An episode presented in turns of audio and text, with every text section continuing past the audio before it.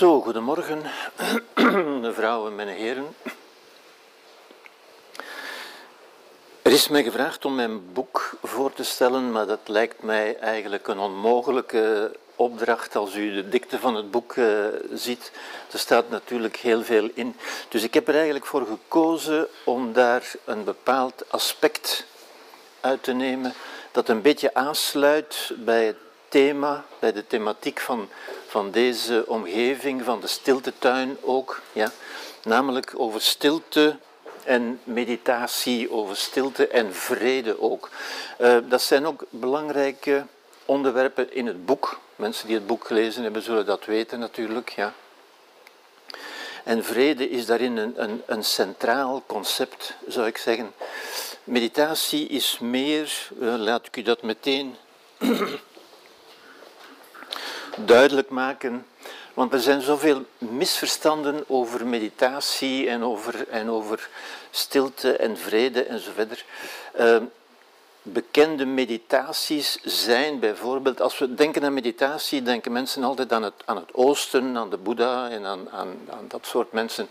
Maar er zijn ook in het Westen belangrijke voorbeelden van meditatie, onder meer de meditaties van Marcus Aurelius, ja, de grote stoïcijn. En dan wordt meditatie meer gezien, het wordt soms ook vertaald als mijmeringen. Ja, en ik vind mijmeringen eigenlijk wel, wel een mooi Nederlands woord voor het in wezen Latijnse woord meditatie. En meditatie wil eigenlijk zeggen diep nadenken over de dingen. Ja, er zijn ook de, de meditaties van Descartes, zoals u weet. Dus zijn filosofen van bij ons. Ja. En meditatie gebeurt natuurlijk in, in stilte. En stilte op zich is alleen een omstandigheid. Stilte doet eigenlijk niets, maar u kunt iets doen in de stilte, zou ik zeggen. Stilte is eigenlijk een, een mogelijkheid, een, een, een veld van toepassingen, van mogelijkheden dat zich opent voor u. Ja. En wat is eigenlijk stilte? Wel, men denkt soms dat stilte alleen maar bestaat uit de afwezigheid van, van geluid, uit de afwezigheid van storende geluiden. Ja? Ik zou het eigenlijk willen omkeren. Ja? Stilte is niet zozeer de afwezigheid van geluid, maar de afwezigheid van reactie op geluid. Het feit dat u er niet op ingaat. En dus stilte is eigenlijk een interne toestand. Het is iets wat vooral in u moet aanwezig zijn. Ja? Niet zozeer rondom u. Natuurlijk, als het rondom u ook aanwezig is, vergemakkelijkt dat wel. Ja? Maar in wezen is het niet ingaan op. Ja? Wat maakt stilte mogelijk of waartoe leidt stilte? Waarmee associeer ik stilte eigenlijk? Wel, op de eerste plaats zou ik zeggen met, met luisteren. En luisteren is een toestand van open zijn voor. En staat een beetje tegenover dat wat wij zoveel doen, wat zoveel mensen zoveel doen, ja, namelijk spreken. Spreken is als er iets uit u naar de buitenwereld gaat, als u iets te zeggen hebt. Ja. Luisteren is als u de buitenwereld in u laat binnenkomen. Ja? En dat, is, dat kan u misschien een beetje abstract lijken, en toch is dat ongelooflijk belangrijk. En dat staat ook in het boek voortdurend uh, herhaald, want het heeft heel concrete gevolgen en heel concrete toepassingen, zou ik zeggen. Ja?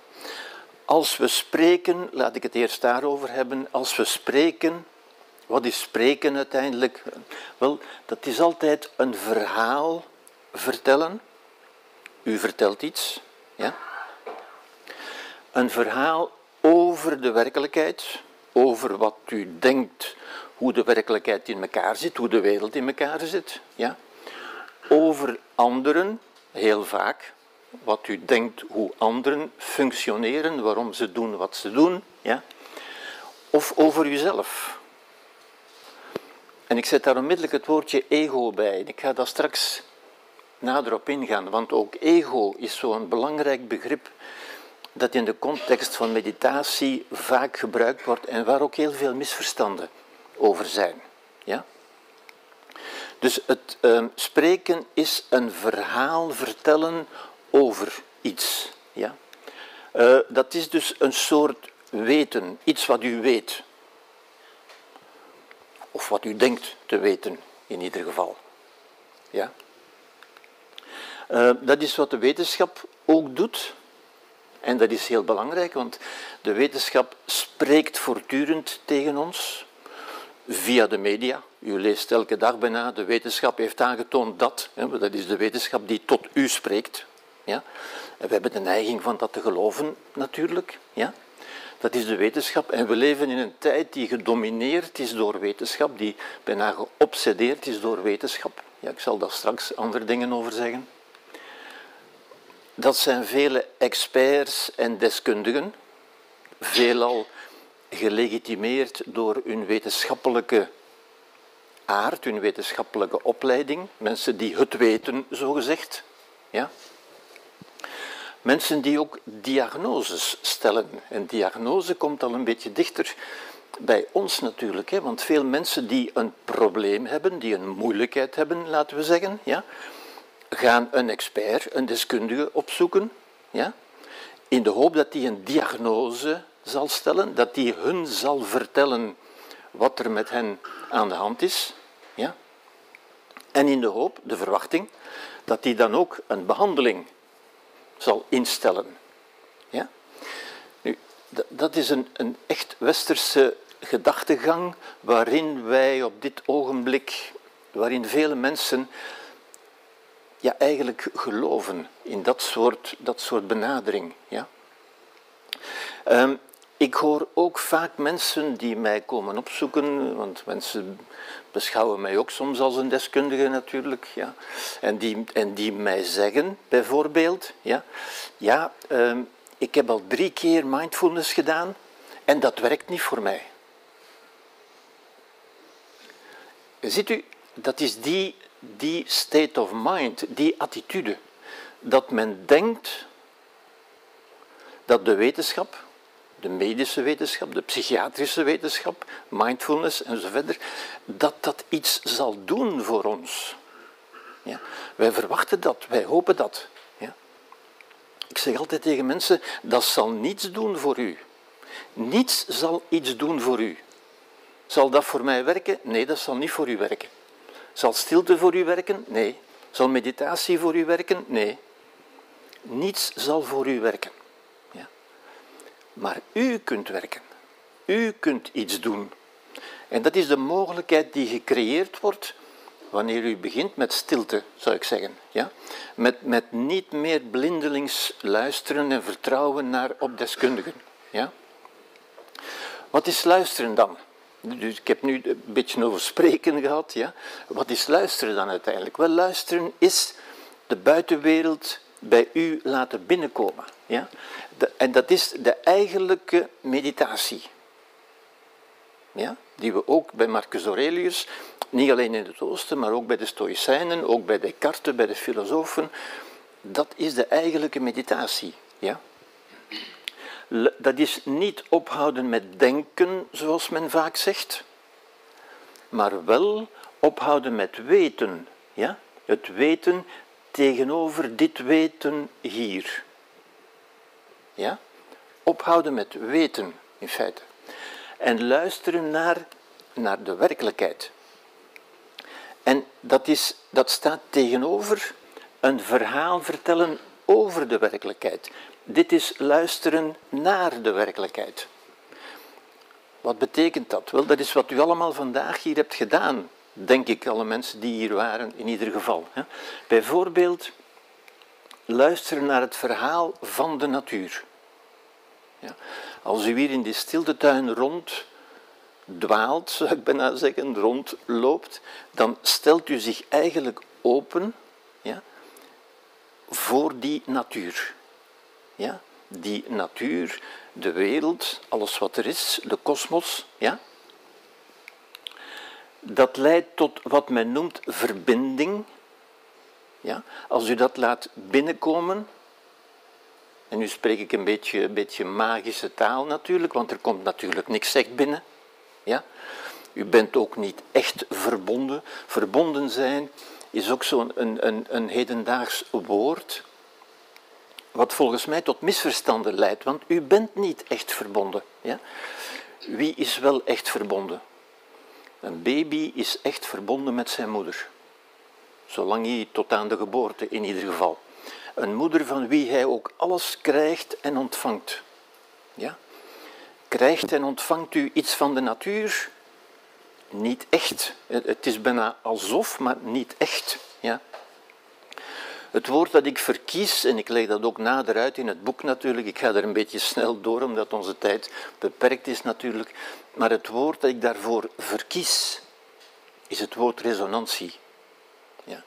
En u kent resonantie natuurlijk, u, u, u weet, als u ergens op een viool de la-snaar laat klinken, dan gaat in een piano die in de buurt staat de la-snaar meetrillen.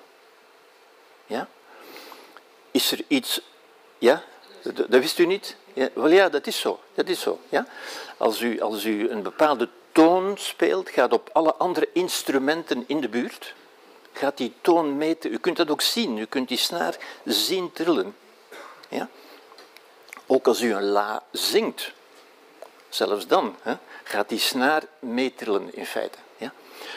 Bent u dan verbonden? Is dat verbondenheid? Uh, nee, ik, zou het niet, ik denk het niet. Dat is niet echt verbonden. Er wordt ook niets gegeven en genomen. Er is een resonantie, een meetrillen met.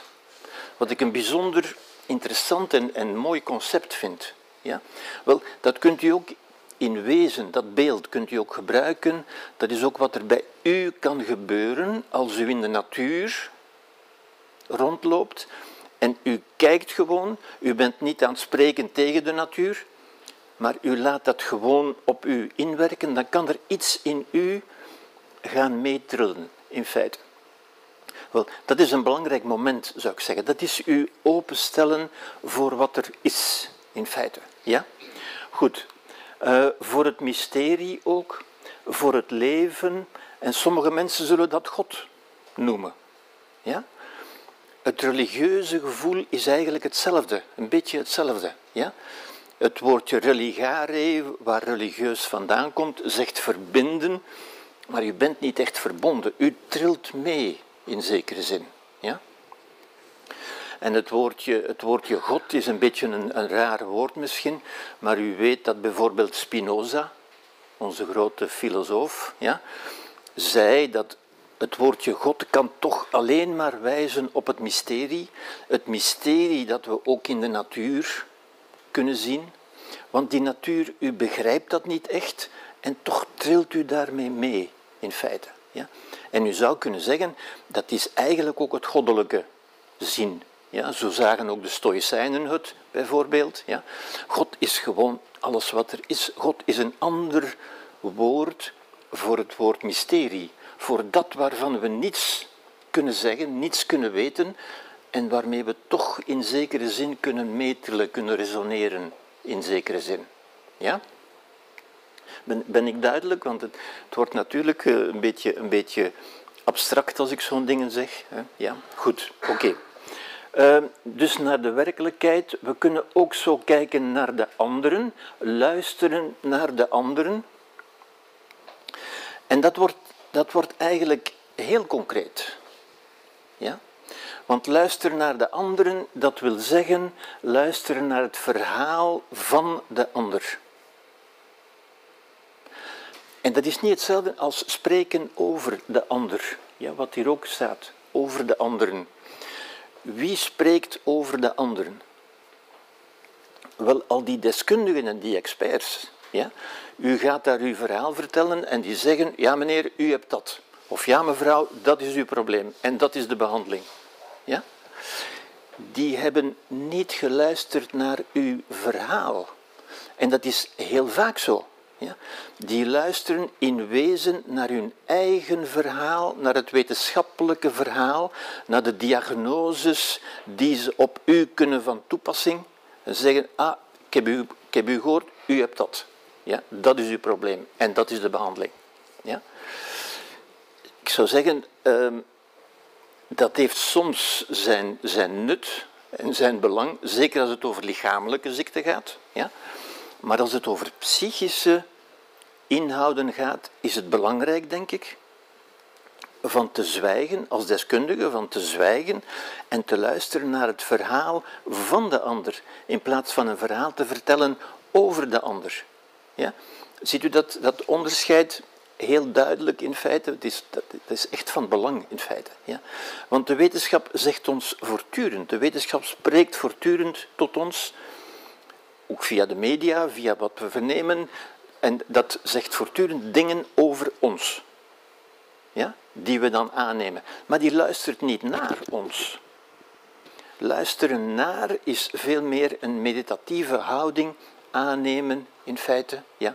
En luisteren naar het verhaal. In het boek noem ik dat het existentiële verhaal, dat wil zeggen het, het levensverhaal. Ja? Met betekenissen die eigen zijn aan de mens en die de wetenschap vaak niet kan vatten. Ja? Dus er is een enorme kloof in feite die we onvoldoende zien tussen wat de wetenschap zegt en kan zeggen. En de wetenschap kan dingen zeggen. Wetenschap is zeer belangrijk. Maar ons existentiële leven, dat iets helemaal anders is, in feite. Ja? Kom daar misschien straks nog op terug. Ja? Het verhaal van de ander, ook dat is een soort verbinding, maar ook wat ik zou noemen, ook daar resonantie. Want u bent nooit echt met de ander verbonden. Ja? U kunt ook niet echt begrijpen wat de ander u zegt. U kunt ook niet echt weten wat de ander meemaakt of doormaakt of voelt of denkt. Ja? Er kan alleen over gesproken worden en er kan zo over gesproken worden dat u een soort resonantie voelt. En dat noemen we dan, dan zeggen we, ja, ik begrijp u. Ja? Als we zeggen ik begrijp u, dat, dat wil zeggen iets in mij trilt mee met wat u zegt, hè, zoals die, die snaren die meetrillen in feite. Ja. We zijn nooit echt verbonden, maar we zijn altijd, of we kunnen altijd zijn in, in communicatie met elkaar, in resonantie met elkaar. Ja? Um, empathie heeft daar ook iets mee te maken. Ja? Wat we empathie noemen, is eigenlijk ook dat. Ja? U, u kunt ook zien of lezen of horen wat iemand anders meemaakt. Ja? En er kan niets in u gaan meetrillen, in feite. Ja? Wat we dan noemen aanvoelen. Ja? Wat we empathie noemen. Ja? Nu, empathie is natuurlijk waardevol. Ja? En men, men zegt terecht, in zekere zin, dat er vaak een tekort aan empathie is. Ja? En toch is empathie eigenlijk niet voldoende. Ik ga daar nu niet verder op ingaan, maar ik wil daar toch in het kort iets over zeggen. Empathie is niet voldoende, niet voldoende in onze geglobaliseerde wereld, zou ik zeggen. Ja? Empathie is een beetje beperkt, is een, is een zeer goed uitgangspunt. Ja? Dat is ook uh, wat ook uh, de Vis bijvoorbeeld beschreven heeft in zijn boek, Het, het, het empathisch tekort. Ja? Empathie is beperkt omdat het beperkt is tot wat u kunt zien en wat u kunt horen, waarmee u in contact bent, waarmee u kunt meetrillen, wat in uw nabijheid is in feite. Ja? Het is een goed uitgangspunt omdat dat onze menselijkheid, onze medemenselijkheid opent, aantoont. Ja? Maar wat we zeker in onze moderne wereld, in onze hedendaagse wereld nodig hebben, is een uitbreiding van die empathie. Ook, en misschien vooral, naar mensen die we niet kennen, die we niet zien, die niet zo lief en sympathiek overkomen, eventueel. Ja? Ik vind het ook altijd zo, zo merkwaardig als ik, als ik zo hoor op, het, op de nieuwsberichten bijvoorbeeld er is ergens een misdaad gepleegd. Ja, er zijn vele misdaden natuurlijk. En dan zegt men, ja, en het was nog zo'n jong en veelbelovend leven. Ja? Alsof je een oud en niet veelbelovend leven dan wel mag doden. Ja? Ziet u, ziet u dat, is een, dat is natuurlijk goed, want het speelt in op ons metelen, op onze, op onze emotie, en dat is goed. Maar het gaat niet ver genoeg. Ja? Ook iemand die niet lief en jong en sympathiek is, ook daar moeten we eigenlijk mee metrillen. En ook mensen die veel verder, ook in andere landen, ook aan de andere kant van de, van de aarde. Ja? Daar kunnen we niet zo makkelijk onmiddellijk mee meetrillen, omdat we die ook niet zien of niet horen. Maar dat kunnen we wel als we dat unieke menselijke, onze unieke menselijke mogelijkheid gebruiken, namelijk ons bewustzijn. We kunnen het ons indenken hoe dat zou moeten zijn voor die mensen aan de andere kant van de wereld. Ja? En die mogelijkheid is niet onmiddellijk empathie, maar is wat, wat men noemt rational compassion, redelijk mededogen. Mededogen dat berust op redelijkheid. Ja? U bent daar niet onmiddellijk mee in contact, dat is niet onmiddellijk lief en sympathiek, maar u weet dat met uw redelijkheid. En dat is wat we natuurlijk nodig hebben in onze geglobaliseerde moderne wereld. Hebben we meer redelijkheid nodig. Emoties zijn, zijn fantastisch, maar zijn beperkt tot, tot wat in onze buurt is, in onze omgeving is. En dat is oké, want dat toont, dat maakt het mogelijk, maar dan moeten we dat redelijk uitbreiden. En eigenlijk zouden we moeten, ik zeg we zouden moeten, want we doen dat niet natuurlijk, ja, ons empathisch vermogen, ons, ons vermogen tot meevoelen, tot meetrillen, ja, eigenlijk uitbreiden tot, tot, tot de hele wereld. Hè? Waarom niet? Ja? Dat zou echte menselijkheid zijn, natuurlijk. Ja? Goed, ik ga daar nu niet verder op in, omdat de tijd uh, ons daarvoor ontbreekt natuurlijk. Ja. Uh, er is nog een derde iets waar we kunnen en bij voorkeur zouden moeten naar luisteren, zou ik zeggen. En dat is natuurlijk naar onszelf naar onszelf. Ook dat is iets wat, wat men in meditatie kan doen. En ziet u, dat zijn dingen die u kunt doen in meditatie. Meditatie doet dat niet voor u, maar u kunt dat doen in meditatie. Ja? Als u zich in luistermodus zet. In, in tegenstelling tot, ik, ik, denk plots aan wat men, wat men soms zegt. Men zegt soms het, het bidden is toch ook een vorm van meditatie. Ja? Ik heb ooit iemand horen zeggen, bidden is spreken tot God. Meestal klagen en zagen en vragen natuurlijk. Ja? Meditatie is luisteren naar God. Ja? En ik, ik vind dat dat het eigenlijk heel scherp stelt. Ja? Meditatie is een, de luistermodus, de, de bereidheid, de ontvankelijkheid instellen. Ja? Nu, naar uzelf dat vind ik zo belangrijk dat ik daar een nieuw uh, schemaatje van gemaakt heb. Dus ik schuif die andere een beetje naar boven hier. Ja. Dat hebben we net besproken. Naar uzelf. Wat valt er naar uzelf te luisteren, in feite? Ja. En ook daar is luisteren belangrijk. Ja. Het ego, waar ik het daarnet al over had, het staat hier. Wat is het ego? Ook dat uh, begrijpen mensen vaak niet zo goed, omdat het ook niet zo'n zo'n zo'n concrete woorden zijn natuurlijk, het zijn, het zijn abstracte begrippen. Ja. Wat is het ego eigenlijk? Ja. Nu, het ego is wat u denkt te weten dat u bent. Wat u denkt te weten dat u bent. Dat is een vorm van weten.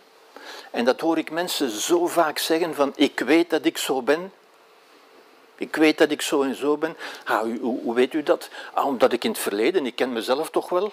En dat lijkt zo vanzelfsprekend. Ik ken mezelf toch wel. Ja? Ik zou moeten zeggen, eigenlijk kent u uzelf niet. Ja? Wat mensen vaak moeilijk vinden, wat natuurlijk de Boeddha ook zegt voortdurend. U kent uzelf niet. Ja? En de westerse mens vindt dat moeilijk. Ja, want hoe zou ik nu mezelf niet kunnen kennen? Allee, ik leef toch elke dag met mezelf? Nee, u leeft niet met uzelf. Waarmee leeft u dan? Met uw idee over uzelf. Ziet u, wat u weet, uw conclusies, wat men u vaak in uw jeugd al verteld heeft, wie u bent en hoe u bent, of u verstandig bent en lief en dapper en weet ik veel, zijn vaak dingen die we gehoord hebben, ja? Of je, of je toch niet zo verstandig bent en toch niet zo lief, hè? of je wat beter je best moet doen en, en zo verder. Al die boodschappen die we gekregen hebben en die we geïnterioriseerd hebben. En daarvan zijn we gaan denken, ja, dat is wat ik ben. Omdat een kind ook niet anders kan. Een kind kan de boodschappen die erop afgestuurd worden niet in vraag stellen, omdat het die intellectuele bagage niet heeft. Een kind gelooft normaal wat gezegd wordt. Een kind heeft geen reden om dat niet te geloven. Ja? Een volwassene wel. Een volwassene weet dat er dingen gezegd kunnen worden die niet noodzakelijk waar zijn. Ja? En, en gaat die, die kritische houding van, is dat eigenlijk wel waar? Moet ik dat wel geloven? Ja? Iets wat u nu ook allemaal doet. U bent naar mij aan het luisteren en u vraagt, dus, is dat nu eigenlijk wel waar? U vergelijkt dat met dingen die u al weet. Ja, maar ik heb toch gehoord dat. En dat is normaal. Dat is wat een volwassen mens doet. Ja? U, u gelooft dat niet zomaar, u onderzoekt dat voor uzelf. Zoals de Boeddha ook voortdurend zei, u moet mij niet geloven, zei hij, onderzoek het voor uzelf. En dat is normaal, dat is wat een volwassene doet. Ja? Wel, als we nadenken over onszelf, dan zouden we vaak moeten zeggen van, vaak, nee, altijd, moeten zeggen, eigenlijk ken ik mezelf niet. Wat kent u dan wel? U, u weet toch dingen over uzelf? Ja, natuurlijk. Ja. Wat weet u? U weet wat u tot nu toe gedaan hebt. Hoe u tot nu toe gedacht en gevoeld en gehandeld hebt. Maar u weet niet wat u de volgende minuut of het volgende uur of de volgende dag zou kunnen doen. Dat weet u niet. En dus u kent uzelf niet. U kent alleen wat u tot nu toe van uzelf getoond hebt, zou ik zeggen, gerealiseerd hebt. Ook naar uzelf toe. En u bent gaan geloven dat dat is wie u bent. Ja? Nu, mensen denken dan altijd aan, aan de Boeddha en zo, maar het is ook veel, veel concreter, het is ook heel dicht bij ons. En iemand die, die ik in het boek, eh, want ik ben eigenlijk nog altijd over het boek bezig natuurlijk ook, enfin, althans over dingen die in het boek ook staan. Um, iemand die veel dichter bij ons staat, hij is pas in, in 1980 uh, eh, overleden, is Jean-Paul Sartre. Ja? Die die merkwaardige uitspraak deed, eigenlijk even, even verwarrend voor vele mensen en even diep als wat de Boeddha eigenlijk zei. Ja? Hij zei, alles wat u over uzelf kunt zeggen en denken, dus alles spreken over uzelf, is zeker niet waar zei hij. Ja? Hoe kun je nu zoiets zeggen? Alles wat je over jezelf kunt zeggen is zeker niet waar. Hoe kun je dat nu zeggen? Ja? Wel, als je erover nadenkt, is dat inderdaad zo. Want alles wat je over jezelf zegt, is een gedachte. En u bent toch geen gedachte? Ja? U bent toch geen gedachte? En alles wat u over jezelf zegt, zijn alleen maar gedachten. Ja?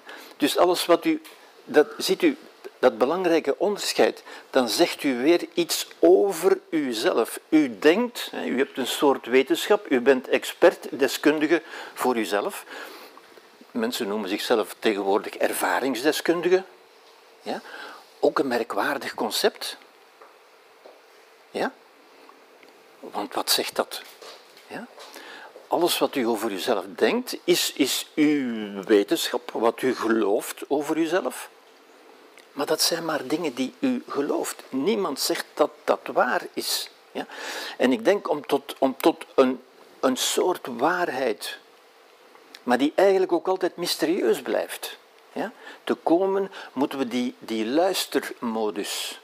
Als u luistert naar uzelf, dat we zeggen, u openstelt voor al de mogelijkheden de potentialiteiten die in uzelf aanwezig zijn en die u nog niet gezien hebt. Want wat ziet u van uzelf? Wat kent u van uzelf? Wel, concrete reacties op concrete gebeurtenissen. Maar dat toont altijd maar een stukje van uzelf. Ja? U bent nooit klaar met uzelf te ontdekken, met vast te stellen hoe u bent, hoe u reageert in bepaalde omstandigheden en bij gevolg dingen van uzelf te ontdekken. Mensen zeggen vaak en terecht, tja, ik wist niet dat ik dat ook kon. Ik wist niet dat ik ook zo was. Ja? Maar dat kunt u maar ontdekken als u een soort openheid, een soort ontvankelijkheid, als u uitgaat van het niet weten. En dat is juist, de, de meditatie is ophouden met weten. Want alles wat u denkt te weten, zijn gedachten. En u bent geen gedachte. Ja? Wat bent u dan wel? Wel, dat is een hele moeilijke vraag. Hè. Ik heb daar in het boek ook uh, over gesproken natuurlijk. um, ook wat u, eh, het feit wat we in de natuur, ik heb het net gezegd, wat we in de natuur kunnen ervaren, is in feite de onkenbaarheid. Het niet kunnen vatten. Ja, u kunt veel dingen wel vatten hoor, maar als u nu zegt, wat is dat eigenlijk, die natuur? Wat is eigenlijk die schoonheid? Wat, wat, dan kunt u dat niet vatten. Ja, vandaar het woordje mysterie. Het is een mysterie, u kunt het niet vatten. Ja. Vandaar dat sommige mensen dat gewoon associëren met, met God. Dat, dat is het mysterie. En het leven, het leven is nog altijd een mysterie, ook voor de wetenschap. De wetenschap kan veel dingen zeggen over het leven, maar het leven zelf, ook het leven van een bacterie, het leven van een plant, het leven van, van een giraf, ook het leven van een mens. Wat is het nu eigenlijk dat mij in leven houdt? en dat mij doet verlangen naar meer leven. Hoe komt het dat ik wil leven? Als u daarover nadenkt, dan stelt u vast, dat is geen persoonlijke keuze, u hebt, u hebt daar niet voor gekozen. U stelt vast dat er in uzelf een wil tot leven is. Het is die wil tot leven die u aanzet om dingen te doen, om, om, om een relatie te beginnen, om kinder, kinderen te hebben. Hoe komt het dat u kinderen wil hebben? Hoe komt het dat u een relatie wil? Waarom wil u dat? Zegt u, ja, ja, ja, ik, ik, ik wil dat gewoon. Hè. Maar als u, daar, als u daarnaar luistert, dan is dat eigenlijk het leven dat tot u spreekt. U stelt vast dat dat verlangen er is. En u kunt dat niet over het hoofd zien, u kunt dat niet wegdrukken of u kunt dat niet. Dat is gewoon in u aanwezig. Ja. En dat kunnen we, denk ik terecht, goddelijk noemen, als u dat wil. Ja. Of u kunt dat het leven noemen, of de evolutie, u mag dat noemen zoals u wil. Ja. Maar het blijft een mysterie in feite. Dat u alleen maar kunt merken als u in die luistermodus gaat. Als u ernaar luistert, dan zegt u, ja, eigenlijk begrijp ik dat niet. En toch is dat hier nu aanwezig. Ja? Eigenlijk een, een, een mogelijkheid van, ik zou zeggen, eindeloze verwondering bijna. Zoals u kunt verwonderd kijken naar een roos of naar een, of naar een muziekstuk of naar een strijkkwartet van Mozart. Dat u zegt, hoe, hoe kan dat nu? Ja? Zo kunt u ook naar uzelf kijken uiteindelijk. Hè? Want datzelfde leven is ook in u aanwezig. En ziet u, dat zijn mijmeringen, zou ik bijna zeggen. Ja? meditaties over iets wat u kunt vaststellen als u in die meditatieve modus gaat eigenlijk. Ja?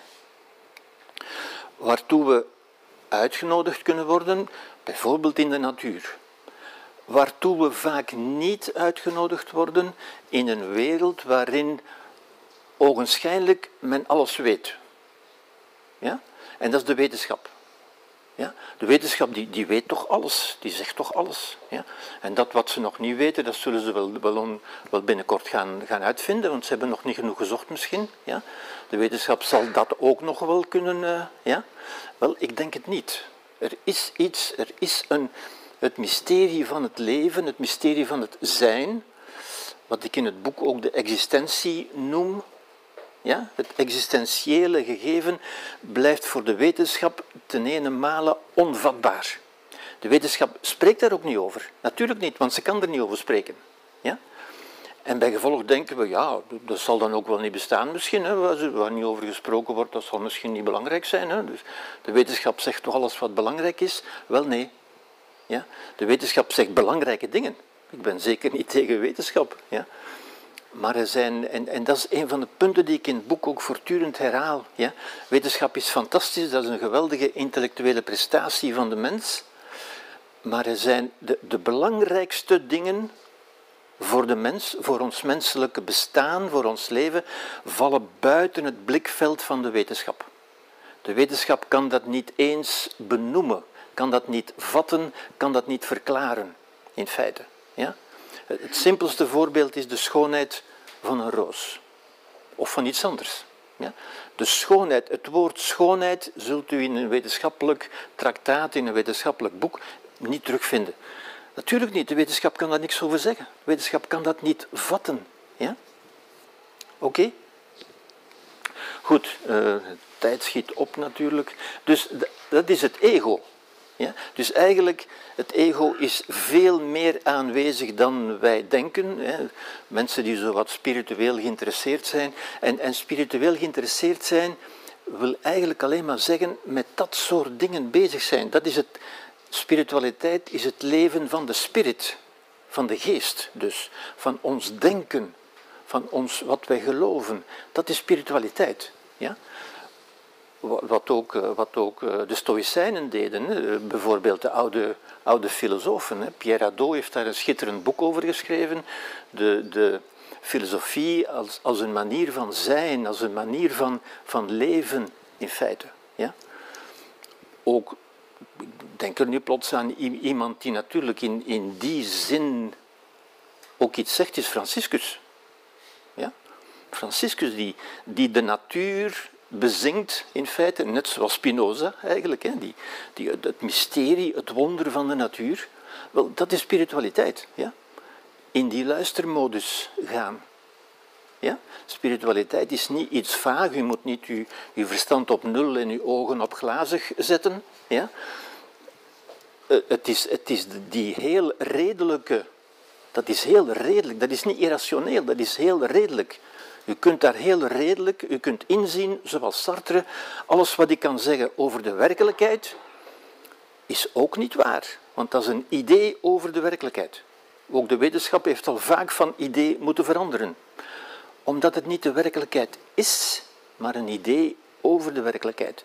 Net zoals u over uzelf dingen kunt zeggen, maar dat is niet wie u bent. Dat is misschien een voorlopig hanteerbaar begrip. Dat maakt het mogelijk dat u kunt leven op dit ogenblik, hè? maar dat is niet wie u echt bent. Ja? Um, en op de vraag, uh, ik ben daar in het boek ook wel op ingegaan, op de vraag wie ben ik, want die vraag komt natuurlijk onvermijdelijk. Ja, maar meneer, dat is allemaal goed, maar wie ben ik dan wel? Ja? Wel, eigenlijk kunnen we dat niet vastpakken. We kunnen dat niet vatten. Ja? En ik denk, de, de beste benadering in feite daarvan is wat ik zou noemen een soort negatieve theologie. Ja? Dat wil zeggen, u kunt wel zeggen wat u niet bent. Dat is veel makkelijker. En wat u wel bent, is dan wat, overschiet, wat overschiet, wat rest, als u alles hebt gezegd wat u niet bent. Ja? Wat bent u niet? Dat is een interessante oefening hoor. Wat bent u niet? Wel, u bent bijvoorbeeld, iets waar veel mensen al zullen van stijgeren misschien, u bent niet uw verleden. Ja? Het verleden is gebeurd. U moet dat ook niet, moet dat niet ontkennen natuurlijk, maar dat is niet wat u bent. U bent ook niet het product van uw verleden. Nee, u bent niet uw verleden. U bent niet de gebeurtenissen die zich hebben voorgedaan. U bent niet uw trauma's en, alles en al die dingen die daar rond hangen. Ja? Ook dat bent u niet. Dat is gebeurd, dat is echt, ja? maar dat is niet wie u bent. Ja? Wie u bent wordt daardoor niet aangetast. Ja? Wat bent u nog niet? Wel, u bent ook niet uw lichaam bijvoorbeeld. Ja? En dat willen mensen nog wel eens begrijpen. Ze zeggen, ja, oké, u, hebt een speciaal soort relatie met uw lichaam. Dat is een stukje natuur dat altijd bij u is. Dat is een draagbaar stukje natuur, ja, dat, dat handig is. Maar dat is toch niet wie u bent. Hè. Mensen zeggen dat soms zo, van, je zit mij toch niet alleen graag voor mijn lichaam, zeker? Want ik ben toch ook nog iets meer dan mijn lichaam. Ja, u bent nog iets meer natuurlijk. Ja? Dus u bent niet uw lichaam, want u bent nog iets meer. Wat bent u dan nog meer? Ja, ik ben bijvoorbeeld mijn emoties. U bent ook niet uw emoties. Ja? Waarom niet? emoties die komen en die gaan. U bent toch niet iets dat komt en dat gaat. Ja? Dus ook dat bent u niet. Ja? ja, maar wat ben ik dan wel? Mijn gedachten, misschien ben ik dan... Dat is toch wel van mij. Ja? Nee, want uw gedachten komen ook, die komen op, die, gaan weer weg, die komen uit de buitenwereld, die worden in u ingebracht. Ook dat kunt u niet zijn. Wat kunt u dan zijn? Wel, u ziet, er schiet niet veel meer over. En toch, en toch schiet er iets, iets geweldigs over. En Eckhart Tolle, die velen onder u toch wel zullen kennen, denk ik, heeft dat schitterend en, en heel, heel trefzeker, vind ik, benoemd. Je bent de ruimte, je bent een ruimte waarin zich emoties en gedachten enzovoort kunnen voordoen. Ja? Die zijn er, die emoties en die gedachten, net zoals uw lichaam er is.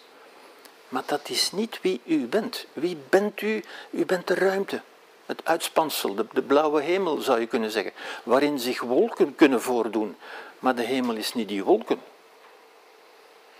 Ja? En dat is een heel concrete oefening van, van mindfulness natuurlijk, hè, van, van altijd opnieuw een beetje afstand te nemen, van voortdurend te zeggen wat u niet bent. Ja? U bent niet uw, uw, uw verdriet, u bent niet uw boosheid, u bent niet... Bent en altijd een stapje achteruit zetten. Ja? Wat, wat u wel bent, ik zeg het al, de ruimte in feite waarin zich dat voordoet. En ik vergelijk dat soms, of men kan dat vergelijken met, met de horizon. Ja? U kunt de horizon zien. Bestaat de horizon? Nou ja, want ik kan hem zien. Maar kunt u erbij komen? Nee.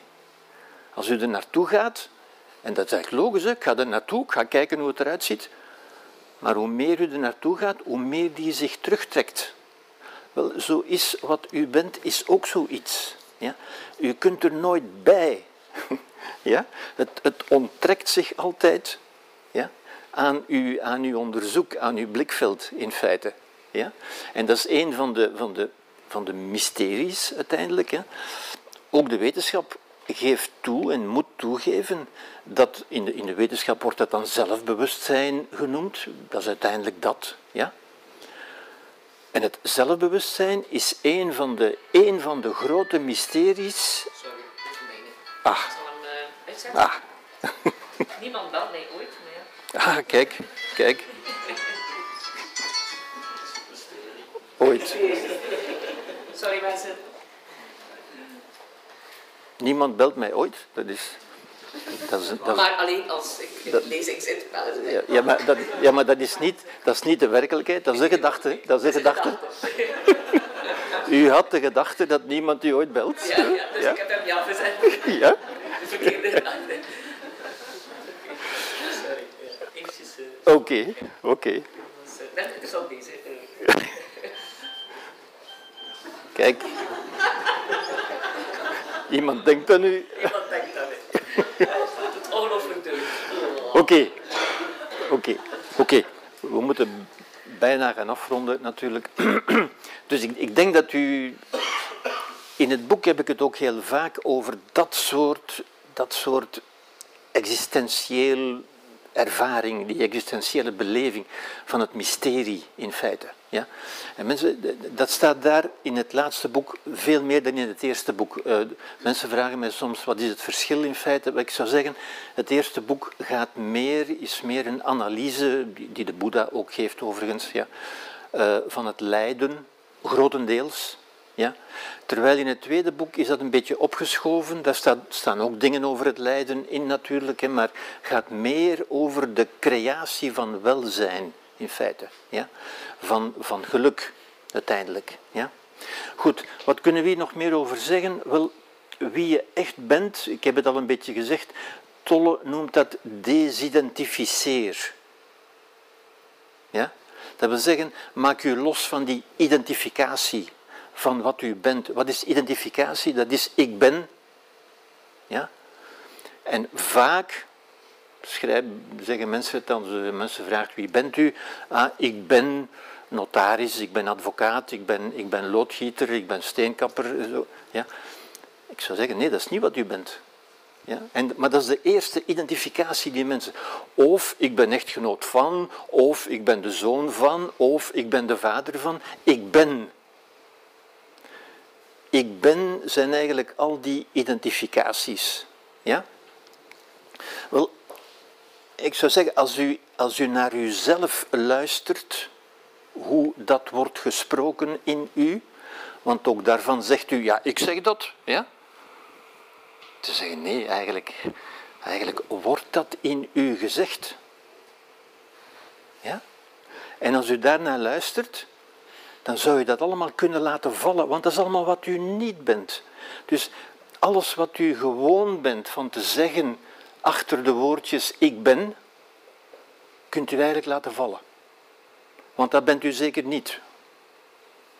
Wat schiet er dan over? Er schiet over ik ben.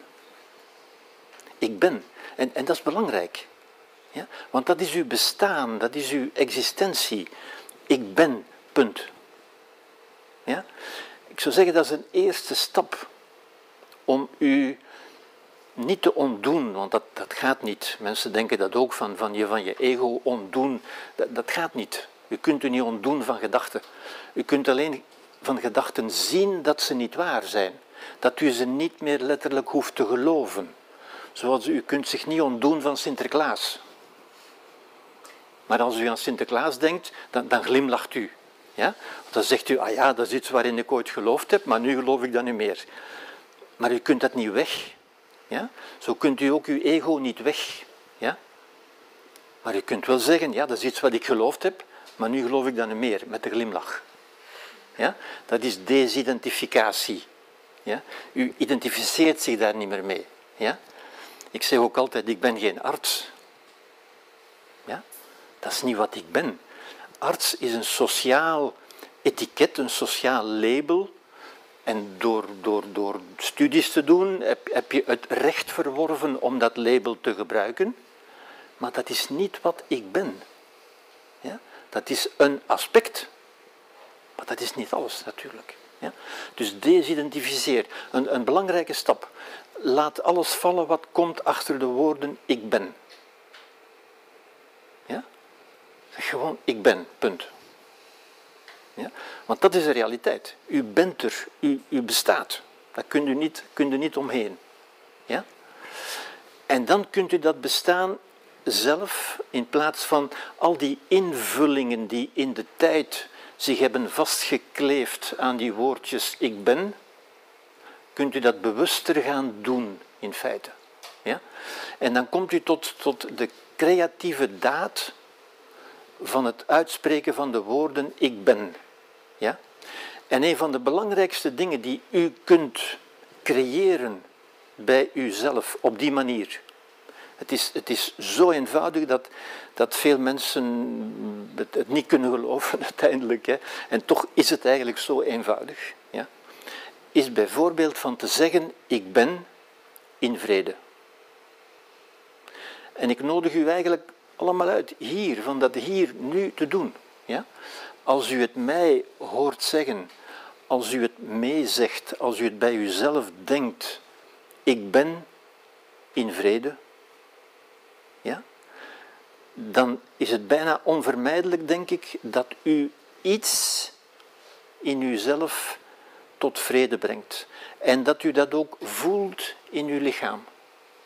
Want uw lichaam volgt altijd uw denken. Ja? Als u zegt, ik ben in vrede, dan zult u, denk ik, onvermijdelijk, als u luistert naar uzelf en naar uw lichaam, zult u vaststellen dat er iets van ontspanning, van vrede komt in uw geest en in uw lichaam. Ja? En ook al is dat maar een klein iets, al is dat maar 1% of is dat maar 0,1%, door de herhaling is dat wie u voortaan zult zijn. U creëert uzelf door die woorden uit te spreken, door die woorden tot u te nemen en dat van u te maken, in feite. Ja? En dat kunt u ook met andere dingen. Hè. Mensen zeggen vaak, ja, wat er toen uh, gebeurd is, uh, ik kan dat niet aanvaarden. Ja? Nu, als u die woorden uitspreekt, ik kan dat niet aanvaarden, gaat uw lichaam onmiddellijk in niet aanvaarden modus. Ik kan dat niet aanvaarden. Ja? Ik ga er me tegen verzetten, ik ga me niet laten doen. En zo verder. Die, die clichés die we zo vaak horen. Ja? Nu, mensen beseffen niet, en dat is niet omdat ze dom of lui zijn, maar omdat men ons dat niet voldoende leert. Ze beseffen niet dat ze door die woorden uit te spreken, die houding van niet aanvaarden creëren. Is dat waar dat ze dat niet kunnen aanvaarden? Nee, dat is niet waar. Ze kunnen dat wel aanvaarden, ze hebben het alleen nog niet gedaan. Ze zeggen, ik weet dat ik dat niet... Nee, dat weet u niet. U weet alleen dat u het nog niet gedaan hebt. En u hebt het nog niet gedaan omdat u het nog niet geleerd hebt. Hoe creëert u aanvaarding? Als, als u nu zegt, wat zou er dan moeten gebeuren omdat u zou kunnen aanvaarden? Mensen denken dan, ja, de andere moet gestraft worden, hij moet 30 jaar in de gevangenis en dan zal ik kunnen aanvaarden. Nee, dat is onzin. U kunt ook aanvaarding creëren hier en nu door te zeggen, ik aanvaard. Als u zegt, ik aanvaard, dan creëert u ook neurologisch, dat, dat zegt de wetenschap nu wel, ja? dan creëert u ook in uw brein de mogelijkheid, de weg, het pad, zou ik zeggen, van aanvaarding. Maar telkens u zegt, ik kan dat niet aanvaarden, creëert u dat pad. Versterkt u die mogelijkheid in u, want u kunt het ook niet. Ja, u, u hebt het recht, u, u mag niet aanvaarden. Ja? Het enige waar ik u wil uw aandacht op vestigen, is dat dat is wat u doet. Ja? En dat is waar het boek eigenlijk ook voortdurend over gaat. Dat is, dat is eigenlijk ook de, de, de grote boodschap die ik wil geven. U kunt veel meer dan u denkt dat u kunt. Ja? En dat gaat natuurlijk in, waarom weten we dat niet? Wel omdat ons dat niet geleerd wordt, niet gezegd wordt, en omdat vooral ook door de weters, de wetenschap, de experts, de deskundigen, voortdurend gezegd wordt, je gaat dat niet kunnen, jij hebt daar hulp bij nodig. Dat wil zeggen, je bent een invalide, je hebt een kruk nodig. Ik zou zeggen, u bent geen invalide. Ja? Hou op met uzelf te invalideren op die manier. Van te denken, ja, maar ik kan dat niet. Iemand gaat mij, zoals mensen zeggen, stoppen met roken, dat kun je niet alleen. Zeggen, stoppen met roken doet u altijd alleen. Niemand kan dat voor u doen. Niemand kan dat voor u doen. Niets zal het voor u doen. Zal, zal dat voor mij werken? Nee, dat zal niet voor u werken. U kunt werken. De, de, misschien de grote boodschap die, die in het boek aanwezig is. Ja? ja, ik krijg signalen dat we moeten ophouden natuurlijk. Hè, dus, ja. Maar ik heb het belangrijkste gezegd. Hè, dus, uh, ik zou zeggen de, de negatieve hypnose. Ja? Want dat is niet alleen, in, in die zin staat meditatie ook dicht bij hypnose. Ik zou zeggen, mensen hypnotiseren zichzelf voortdurend en ze beseffen dat niet door wat ze over zichzelf, tegen zichzelf zeggen. Als u zegt, ik kan dat niet, dan hypnotiseert u uzelf om te geloven dat u dat niet kunt. Ja? Al die negatieve clichés die we horen, ik heb daar hulp bij nodig. Niemand kan u helpen. Niemand kan u echt helpen. In die zin bent u dus ook nooit meer echt verbonden natuurlijk. Hè?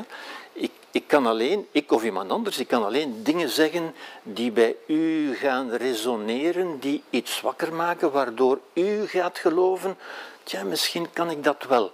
Tja, ik ga dat doen. Ja? Ik ben.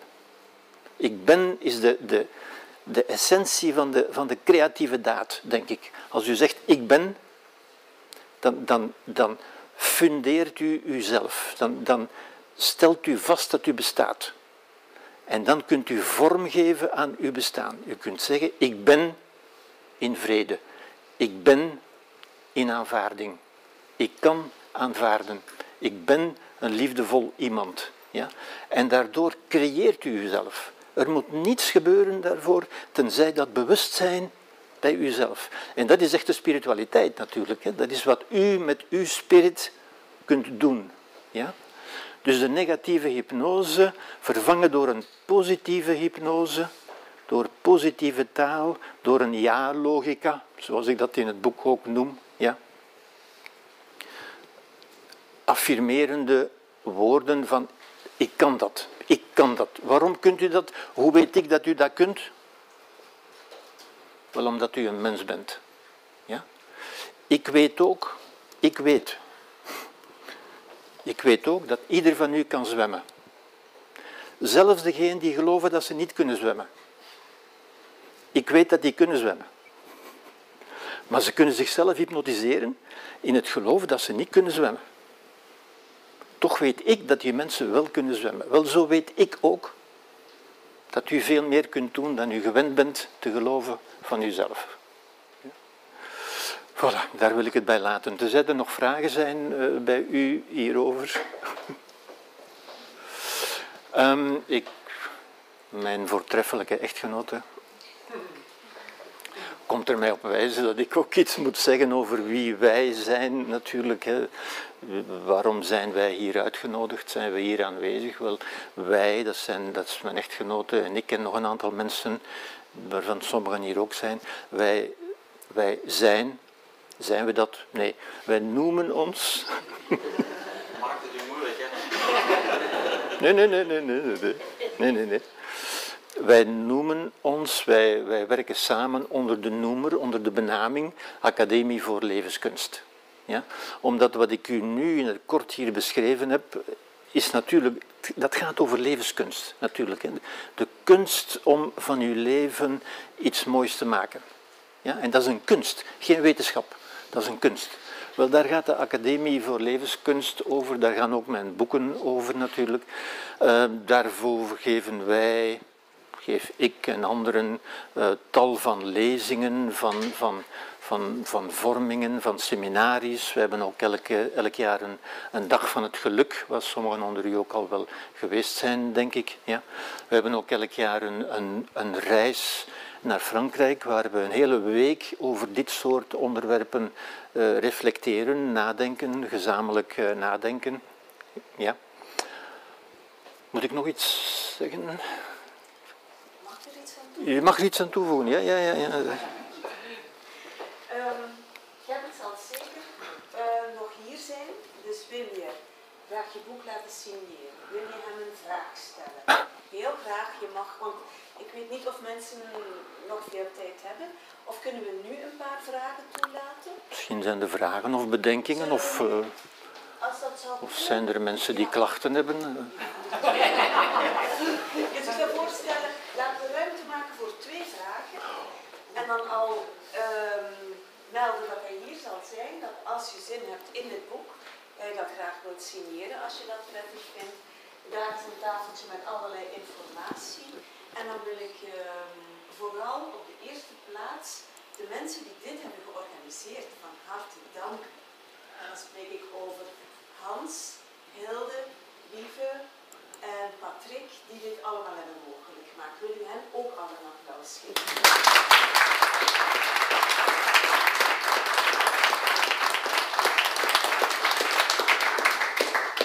Maar zijn er misschien nu prangende vragen die, waarvan u denkt, het is misschien toch nuttig om dat in de groep even te stellen? Wees niet bang.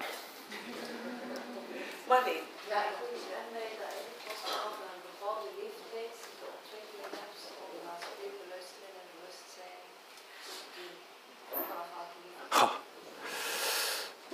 Is de vraag door iedereen gehoord? Nee.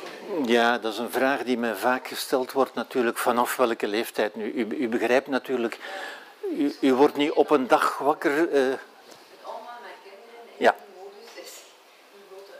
Ja. dat is een uitdaging, dat is waar, dat is waar. Maar ik denk dat kinderen dat ook geleidelijk zullen oppikken als u gewoon zo bent. Als u dat niet in, in een lesje op een dag eh, geeft, maar als u zo bent, gaan ze dat geleidelijk oppikken. Van, van wanneer? Het is niet zo dat die kinderen eh, geen bewustzijn hebben en op een dag opstaan met bewustzijn natuurlijk. Hè. Dat, ligt er ook aan hoe, dat, dat jonge brein gevoed wordt natuurlijk. Hè. Hoe, hoe zich dat zal ontwikkelen. Ja? Ja.